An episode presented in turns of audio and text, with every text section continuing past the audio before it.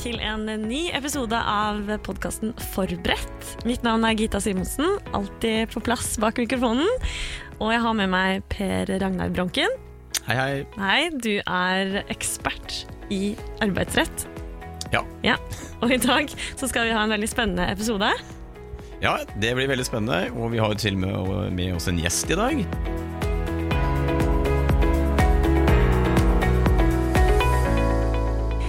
Live River Moen, velkommen. Du er direktør i Integrerings- og mangfoldsdirektoratet. Veldig spennende og utrolig hyggelig at du har tatt deg turen hit. Tusen takk for det. Eh, Dere eh, publiserte nylig Integreringsbarometeret 2020, som er en omfattende kartlegging av nordmenns holdninger til eh, innvandring og, ja, og asylsøkere, og egentlig alt som går under den paraplyen. Og der finner vi også mangfold i arbeidslivet. Um, og det er det denne episoden skal handle om. Vi skal snakke om det. Ja, Det er det vi har snakket om eh, Det er det jeg har lyst til å snakke om i dag. Ja. Eh, Det er jo noe som eh, vi i, i SANS er opptatt av, og jeg som arbeidsrettsadvokat er veldig opptatt av. Så hadde vi lyst til å invitere Live fra direktoratet for å snakke litt nærmere om de praktiske problemstillingene, og kanskje de politiske utfordringene som man står overfor på, på området. Så det ser vi frem til. Ja. Og Libe, hvis du kort kan fortelle eh, oss litt om funnene fra denne rapporten om eh, diskriminering i arbeidslivet. Det skal jeg forsøke vet du, etter beste evne.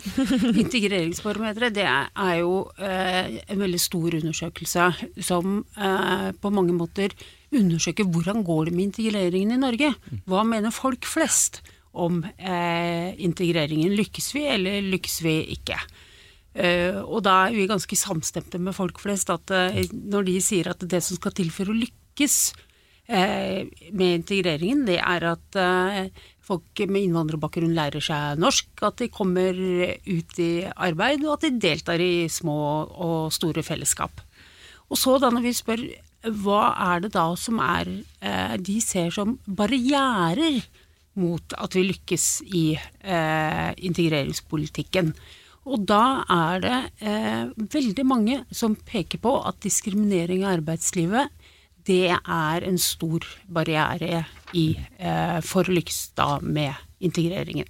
Per, du er jo spesialist innenfor arbeidsrett. Du har jo jobbet en årrekke innenfor Altså, du har møtt på veldig mange typer problemstillinger. Har diskriminering i arbeidslivet vært eh, en av dem? Eh, som den praktiske arbeidsrettsadvokat så vil jeg si egentlig nei. Det er ikke mange rettssaker eller konflikter som jeg har vært eh, borti når det gjelder direkte diskriminering på arbeidsplassen. Så er det klart at Vi advokater jobber veldig mye med oppsigelsesprosesser. Så er det få oppsigelsessaker i Norge hvis du tar det store bildet som er direkte knyttet til diskriminering. Iallfall hvor diskriminering har vært den utløsende årsaken da, for oppsigelsen. Der tror jeg fra mitt ståsted at eh, skoen ikke trykker, men jeg vet jo, ser og observerer at det er håper i andre enden, altså ikke ved avslutning av arbeidslivet, eh, men med begynnelsen, altså inngangen til arbeidslivet. Det er nok der man har de største eh, utfordringene knyttet til mangfoldet. Der er det mange som står og banker på døra og ikke kommer inn. Og Det er vel noe av det også barometeret viser, hvis jeg ikke tar helt feil.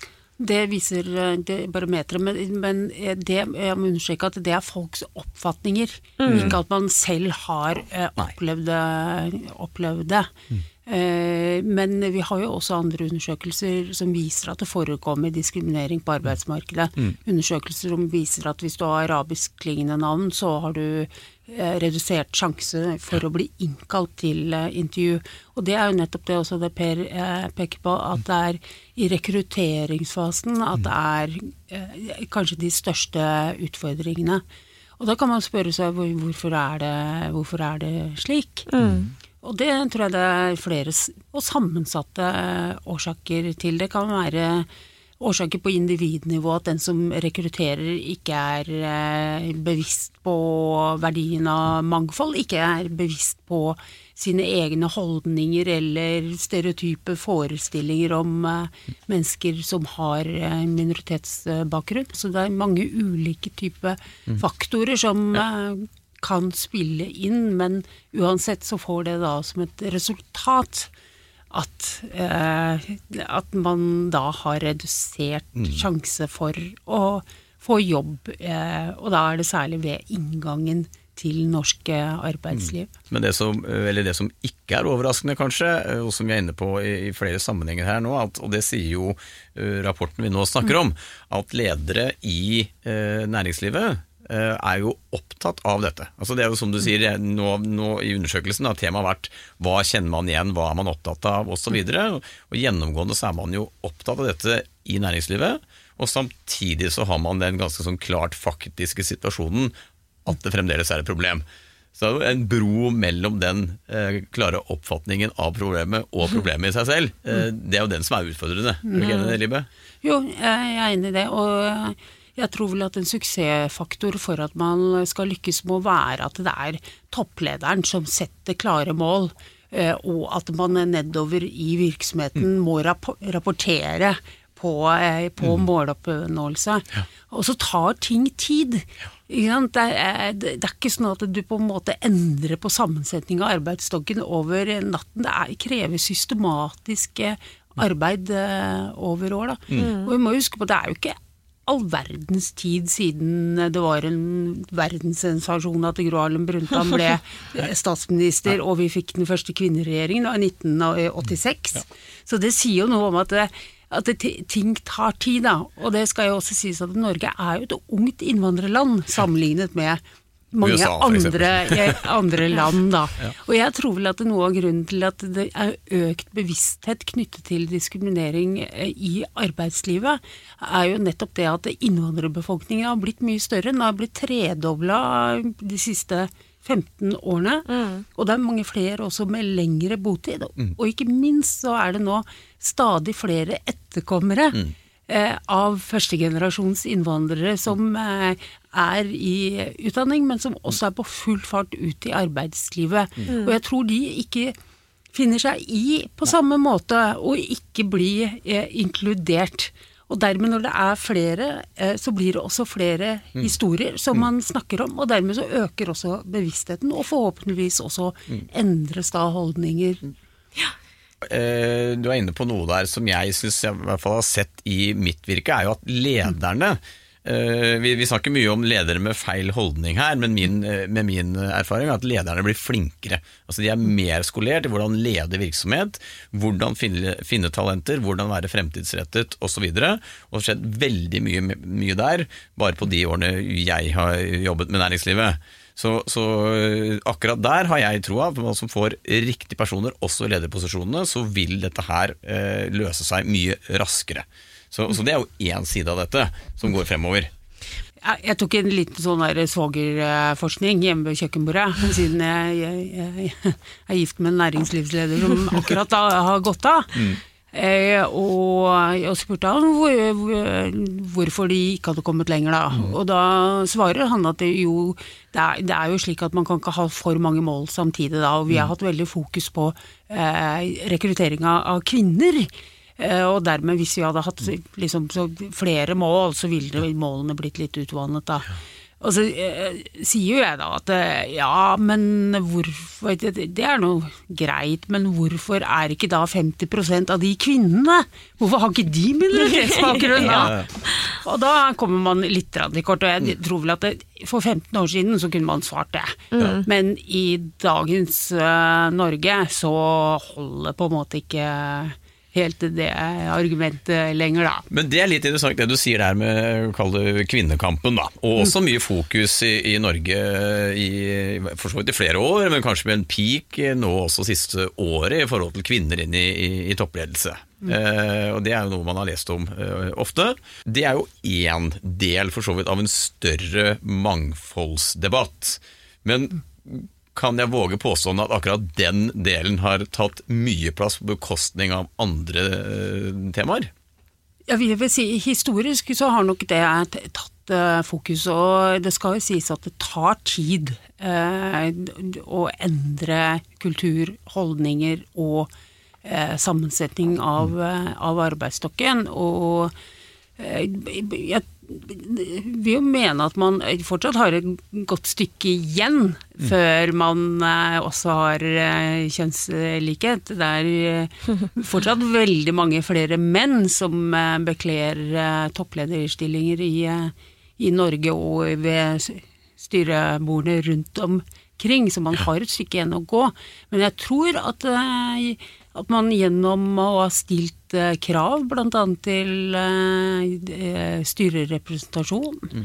eh, at det har bidratt. Og her tror jeg også at politikken har gått litt foran. Mm. Når politiske partier har hatt et krav om eh, at det skal være en eh, kvinnerepresentasjon av en viss eh, størrelse i partiets ledende organer, og ikke minst også på, på mm. Stortinget, så har det har de på mange måter eh, også gått eh, foran.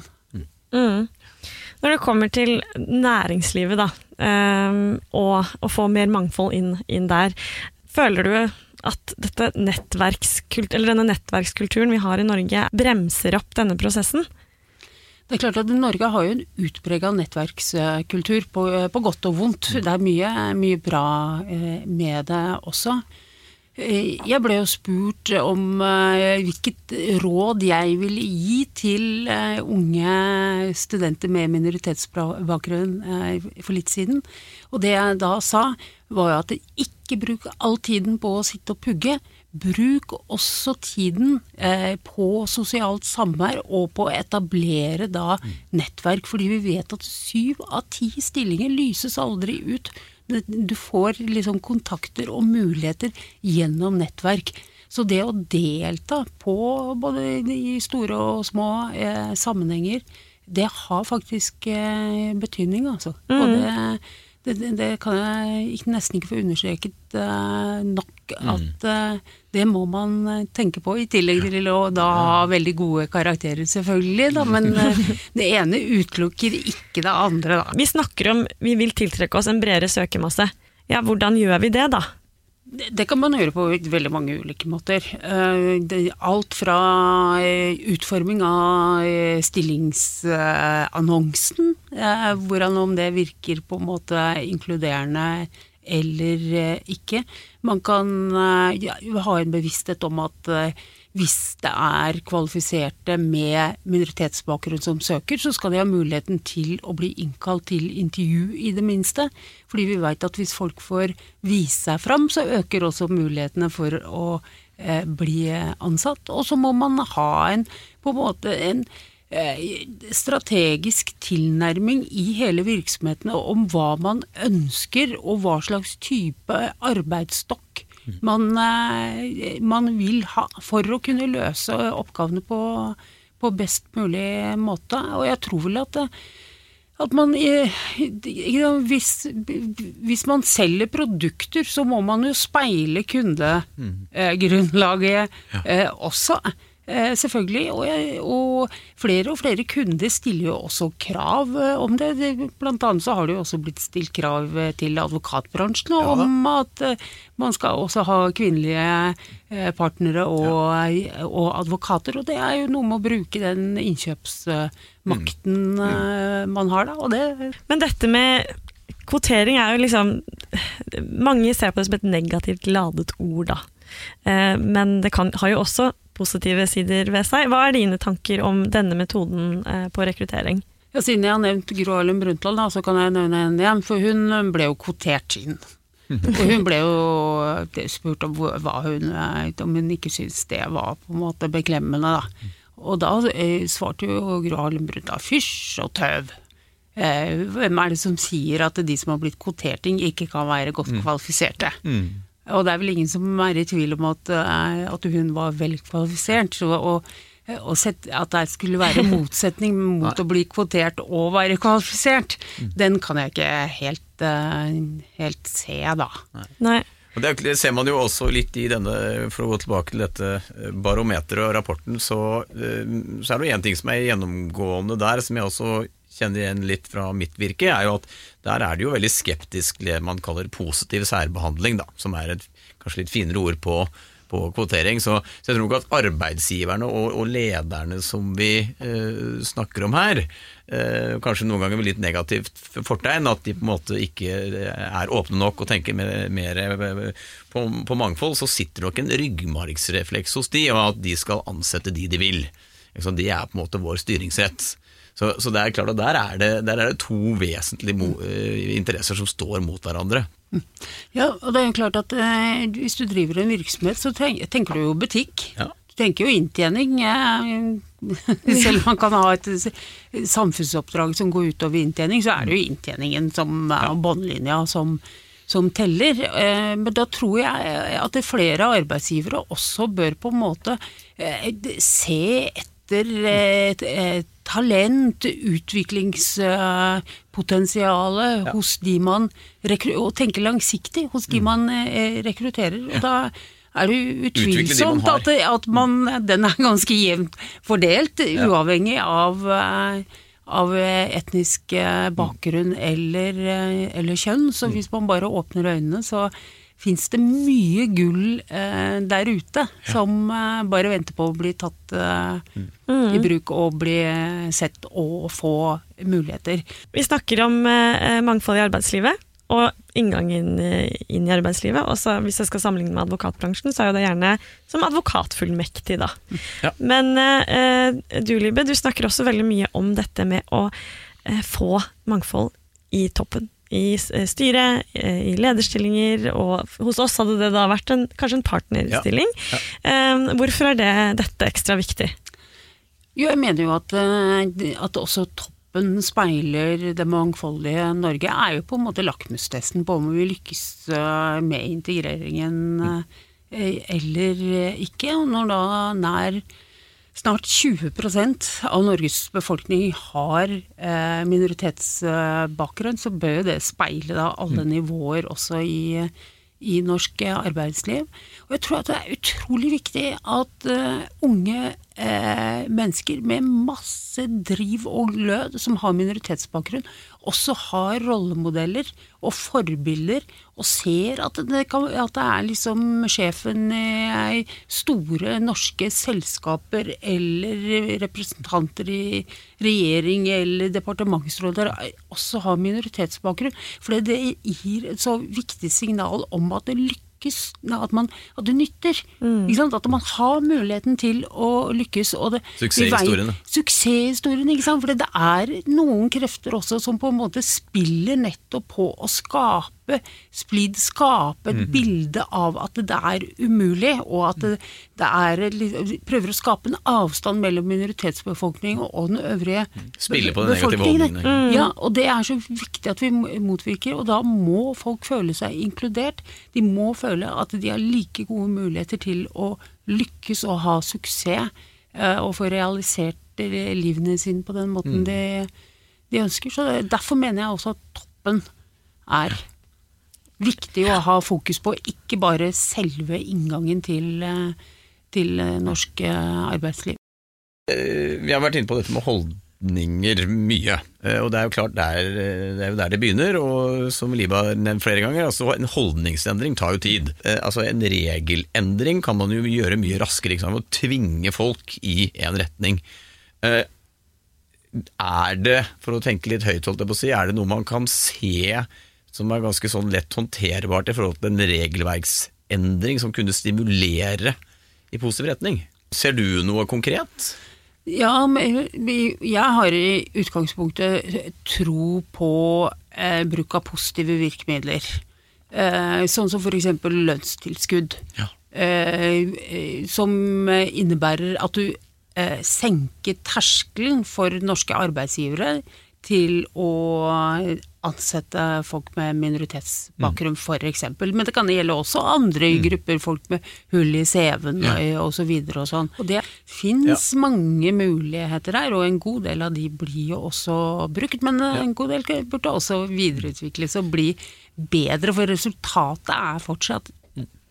ikke bra nok. Vi har et stykke igjen å, mm. å gå, og da må vi bidra alle sammen med det vi kan. Per, du nevnte eh, veldig kort at det kom en endring i likestilling- og diskrimineringsloven. Kan du fortelle litt om eh, endringen, og hva dette egentlig betyr i, i praksis i forhold til den problemstillingen vi snakker om eh, nå? Ja, altså dette er jo frem, altså Det er jo en lovgivning som fremdeles egentlig går på, på kartlegging og synliggjøring. Eh, det, er ingen, det, er ikke noe sånn veldig store ris bak speilet, eh, men i korte trekk så skal jo arbeidsgiver da uh, har en aktivitetsplikt i forhold til å kartlegge om det forekommer diskriminering i arbeidslivet, på alle diskrimineringsgrunnlag, hvor mangfoldet er Eh, eh, eller etnisitet, da, er, er, en av de. Eh, og så skal man jo da kartlegge, skal man jobbe for, at, jobbe for å forhindre det. Man skal sette ned konkrete tiltak hvis man ser at det er problemer, osv. Og, så og i tillegg, i tillegg så skal det da lages en redegjørelse knyttet til dette. Den skal behandles i styret, og, og den skal legges ved årsrapporten til, til, til selskapet. Det gjelder for de aller fleste norske virksomheter av en viss størrelse. Det går vel en grense nedad på, på, på 50. Men, men, eh, dette er jo et regelverk som de aller fleste virksomhetene må forholde seg til. Gått litt under radaren. Jeg tror ikke det er alle virksomheter der ute som har ca. 50 ansatte som vet at de skal lage en sånn rapport eh, som skal legges frem i begynnelsen av 2021.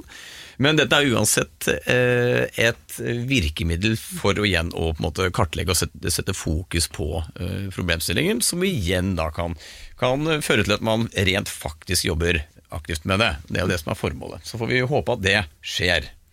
Hva tror du, Libe? Jeg håper det. ja. Hva tenkte du da den loven kom? Var det, tenkte du sånn 'dette er eh, fornuftig', eller? Nå er ikke jeg politiker, så jeg skal ikke mene så mye om det. Men eh, jeg har eh, tro på at det kan bidra til økt bevissthet ja. og holdningsendringer. Ja. Absolutt. Det tror jeg også. Uten at man adresserer problemet, så kan man heller ikke finne de riktige løsningene. Nei. Perfekt. Vel talt. Takk for at du eh, kom og eh, kunne dele din ekspertise med oss. Tusen takk. Tusen takk for at jeg fikk komme. ja, Per. Det var jo en uh, interessant episode, det. Veldig. Vi kommer til å komme eh, tilbake med flere temaepisoder. Det gjør vi, og forhåpentligvis med spennende gjester eh, fremover også. Ja, Så hvis eh, du har noen innspill eller ønsker, eller bare vil si hei, så er vi veldig åpne for det. Yes. Du sender det til gsi at sans.no, og så ønsker vi deg en kjempefin dag videre.